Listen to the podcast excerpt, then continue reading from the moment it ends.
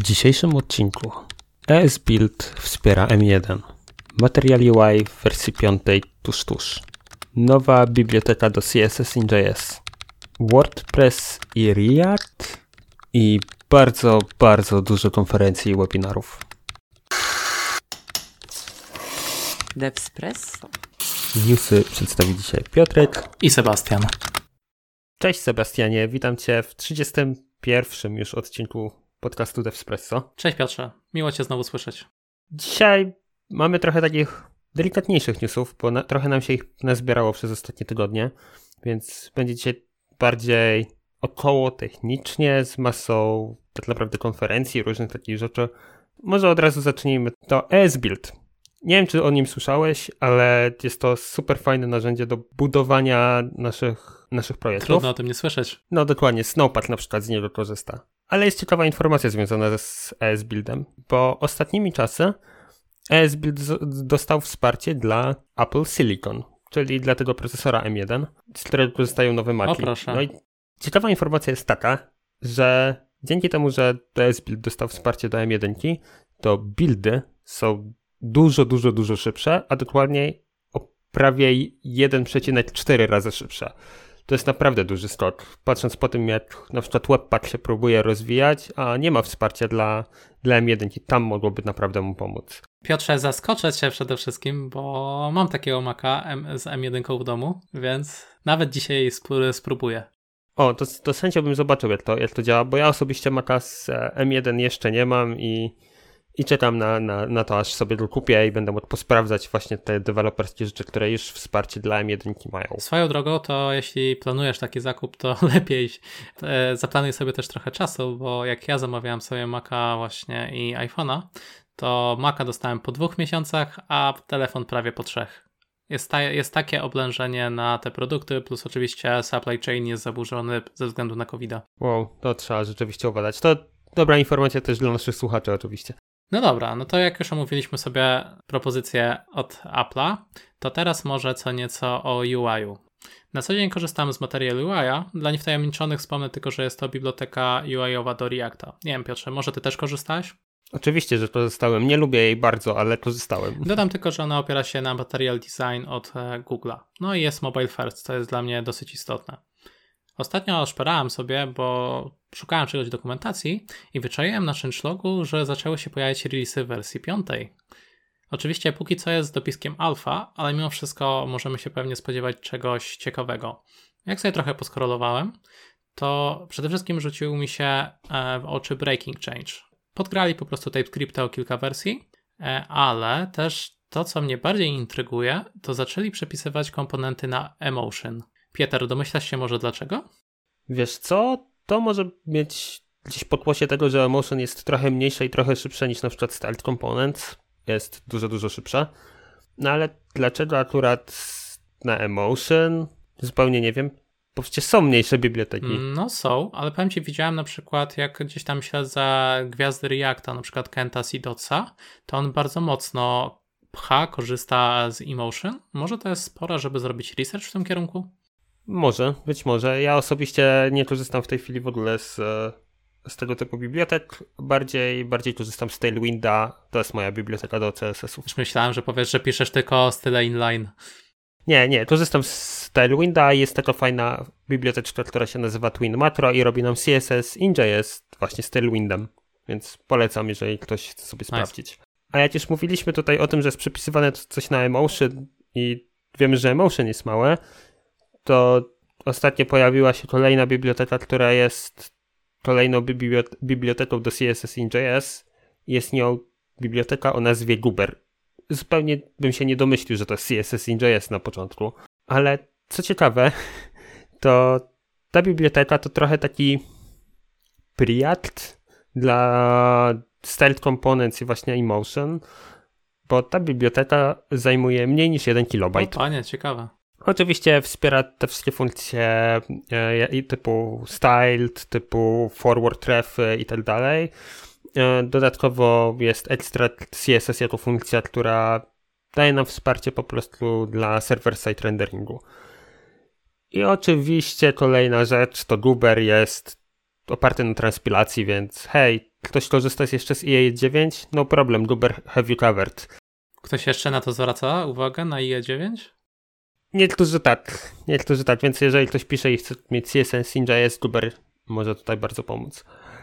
Ale mnie bardzo, bardzo bawi, że jest taka malutka biblioteka do, do CSS Ninja.js i co ciekawe, dla ciebie Sebastianie, to jest to, że oni bardzo mocno cisną w to, żeby mieć bardzo dobre wsparcie z Preactem i z React Native'em. O proszę, to ciekawe, nie, nie wiedziałem o tym. No, zresztą sama nazwa tej biblioteki bardziej e, by mi wskazywała jakąś bibliotekę do garbage kolektoru niż do CSS Ninja.js, zwłaszcza dla Style Components, ale może się pora przyjrzeć temu. No, jak najbardziej. Polecam. Wygląda, wygląda to, to całkiem nieźle, choć jeszcze nie testowałem. Z góry, z góry uprzedzam. Piotrze, a powiedz mi, React plus WordPress, co z tego może wyjść? Dziwna kombinacja, ale wiem, że jest to możliwe. E, jest możliwe, ponieważ e, szperając w internecie trafiłem na dosyć ciekawy framework. Nazywa się Frontity, który łączy te dwie technologie. I co ciekawe, e, to co wyczytałem na tej stronce, twórcy chwalą się na swojej stronie, że jest to najłatwiejsza droga do tworzenia szybkich, lekkich w użyciu stron z wykorzystaniem WordPressa i Reacta, a dodatkowo jest open source. Dla mnie się trochę to gryzie, ale dalej opisują, że e, WordPress jest, znaczy jak to działa przede wszystkim. E, no to WordPress jest headless CMS-em, który łączy się za pomocą biblioteki Frontity e, z biblioteki Frontity i tak naprawdę WordPress URL-a. Następnie po prostu stylujemy naszą aplikację, deploy i podobno działa.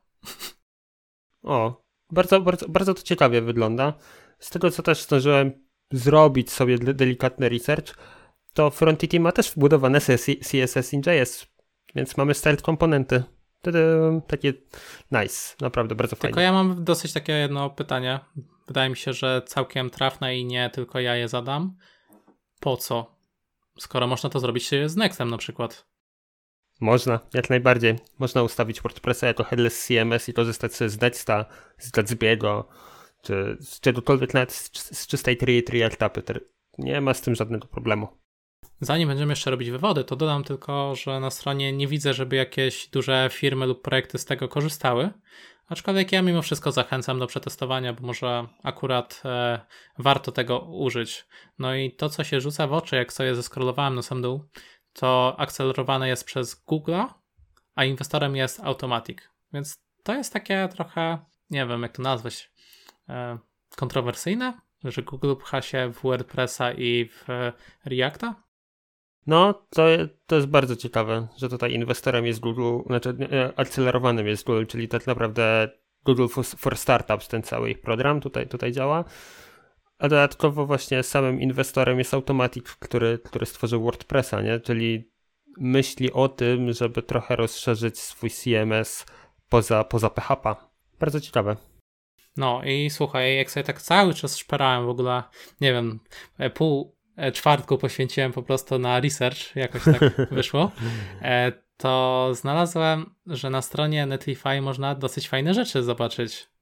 Bo mam, mam tu na myśli, że e, była taka stronka, w których były tilesy różnych case studies znanych i mniej znanych firm oraz projektów. O. Na przykład, no, na przykład były takie firmy jak Nike, Victoria Beckham czy Tunnel Beer. I to, co zwróciło moją uwagę, że jest to całkiem przejrzyście opisane. Ja, ja ogólnie lubię takie rzeczy, bo to jest świetne źródło informacji. Zwłaszcza zresztą jak już nieraz na podcaście podkreślałem, że doceniam na przykład blog Discorda e, i ich opisywanie problemów, z jakimi się mierzyli tworząc apkę w React Native. Po prostu skarbnica wiedzy. No nie, ja, ja też bardzo lubię czytać tego typu case studies, bo powodują, że nam się tak naprawdę otwierają oczy i możemy te elementy, które komuś wyszły lub nie, przenieść do naszego świata w naszych projektach takich pracowych i, i, pomóc w naszych organizacjach, więc jak najbardziej to jest super, że ktoś się Zwłaszcza, tym że możemy zaoszczędzić tak naprawdę no, kupę czasu w tym momencie, a jak kupę czasu, no to wiadomo, że i kupę pieniędzy, więc e, wilk syty owca cała. Mhm. A jak już zacząłem mówić, to nie tak łatwo odejdę od mikrofonu, e, ponieważ mam jeszcze kilka newsów w rękawie. Może nie są to stricte właśnie info na temat bibliotek, ale myślę, że równie przydatne. Pierwszą z nich jest fakt, że Jamstack ogłosił Jamstack Conf 2021 które odbędzie się 6 i 7 października. No i jest to zdalne, oczywiście, jakby mogło być inaczej w dzisiejszych czasach covidowych, tak. Tak. To, co mogę wspomnieć na ten temat jeszcze, to całkiem mało, bo lista talków jest niedostępna. Boże, talków. Lista toków oczywiście jest jeszcze niedostępna, bo no, jakby nie patrzeć, jest jeszcze dużo czasu, ale jak spojrzymy na listę sponsorów z poprzednich lat, która swoją drogą jest no, imponująca, to możemy się spodziewać dosyć ciekawych rzeczy. Może byłeś na poprzednim roku? Nie, nie byłem na Jamstack Confie w 2020 roku, ale jak najbardziej będę chyba na tym i, i zobaczymy, co tam się dzieje, bo Jamstack jednak jest bliski mojemu sercu, bo ciągle z niego korzystam jak najbardziej, więc... O, widzisz, no to obowiązkowo dla ciebie. E, no, ale jakby nie patrzeć, do Jamstack Conf jest bardzo dużo czasu, a może akurat e, zechcesz już w przyszłym miesiącu być. Czy tak naprawdę to już prawie w tym, bo to marzy 26 marca e, jest właśnie StopCon. Dlaczego o. warto tam być? Bo będą tam takie osoby jak Mats, czyli Chief Designer Rabiego, będzie Kerry Meller, e, czyli Senior Software Engineer z GitLaba. Przede wszystkim, no tak jak mówię, odbędzie się o wiele szybciej niż Jamstack Conf i może coś fajnego będzie można wynieść. Co do samej takiej listy toków, nie, nie znalazłem niestety tego, ale no jeśli coś się pojawi, to na pewno myślę Piotrze, że poinformujemy, prawda? Jak najbardziej, jakby, jeżeli będzie Mac, to ja jestem już totalnie za, bo sam pisałem wielokrotnie, przez wiele lat w Rubim i ostatnio do, nie, do tego języka wracam, więc z chęcią posłucham, jak, co ma Mac do powiedzenia, bo Ruby dalej się rozwija. A to ciekawe, co mówisz, że wracasz do Rubiego, bo ostatnio obserwuję cały czas trend na to i te staweczki tych deweloperów rosną całkiem fajnie. No, a Ruby jest też bardzo przyjemnym językiem w pisaniu, więc polecam. I zwłaszcza, że firmy właśnie ten mają tendencję, że nie wymagają często od ciebie e, Rubiego, tylko e, szukają osób chcących e, zacząć naukę. Więc to myślę, że to jest bardzo duży atut dla osób, które chciałyby spróbować, bo od razu, jakby nie patrzeć, mogą brać pieniądze za to, że się uczą tego języka. To prawda, to prawda.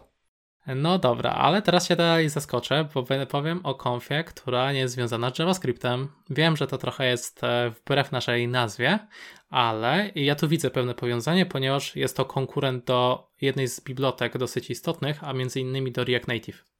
Więc zgadnij o czym mówię. Pewnie o Flutterze i Darcie. Dokładnie, bo już 3 marca, czyli dosłownie za kilka dni, odbędzie się konfa Flutter Engage i myślę, że React Native Developer powinien e, odwiedzić tą konfę ze względu na to, żeby zobaczyć, co tam ciekawego oferuje konkurencja.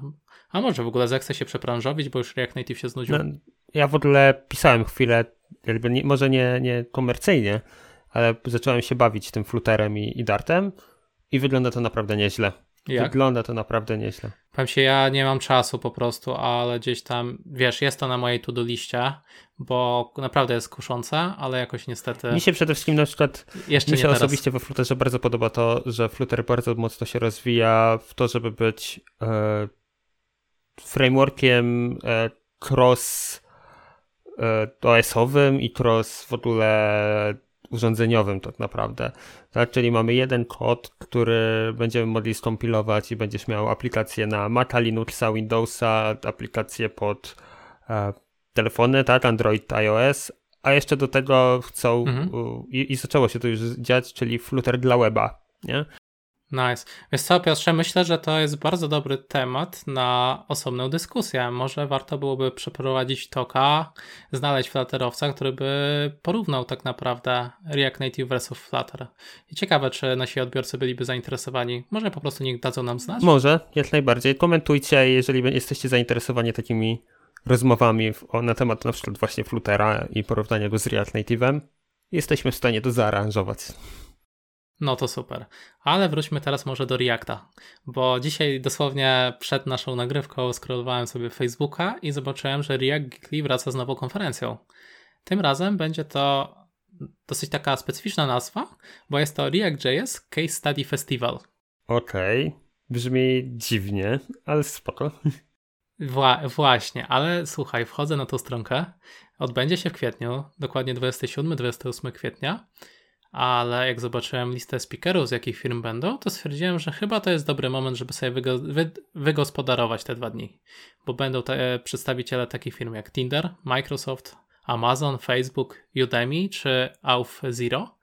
Ale swoją drogą mam nadzieję, że to nie będą twórcy, znaczy, że to będą twórcy portalu Udemy, a nie koledzy po fachu z Indii, którzy tam nagrywają kursy.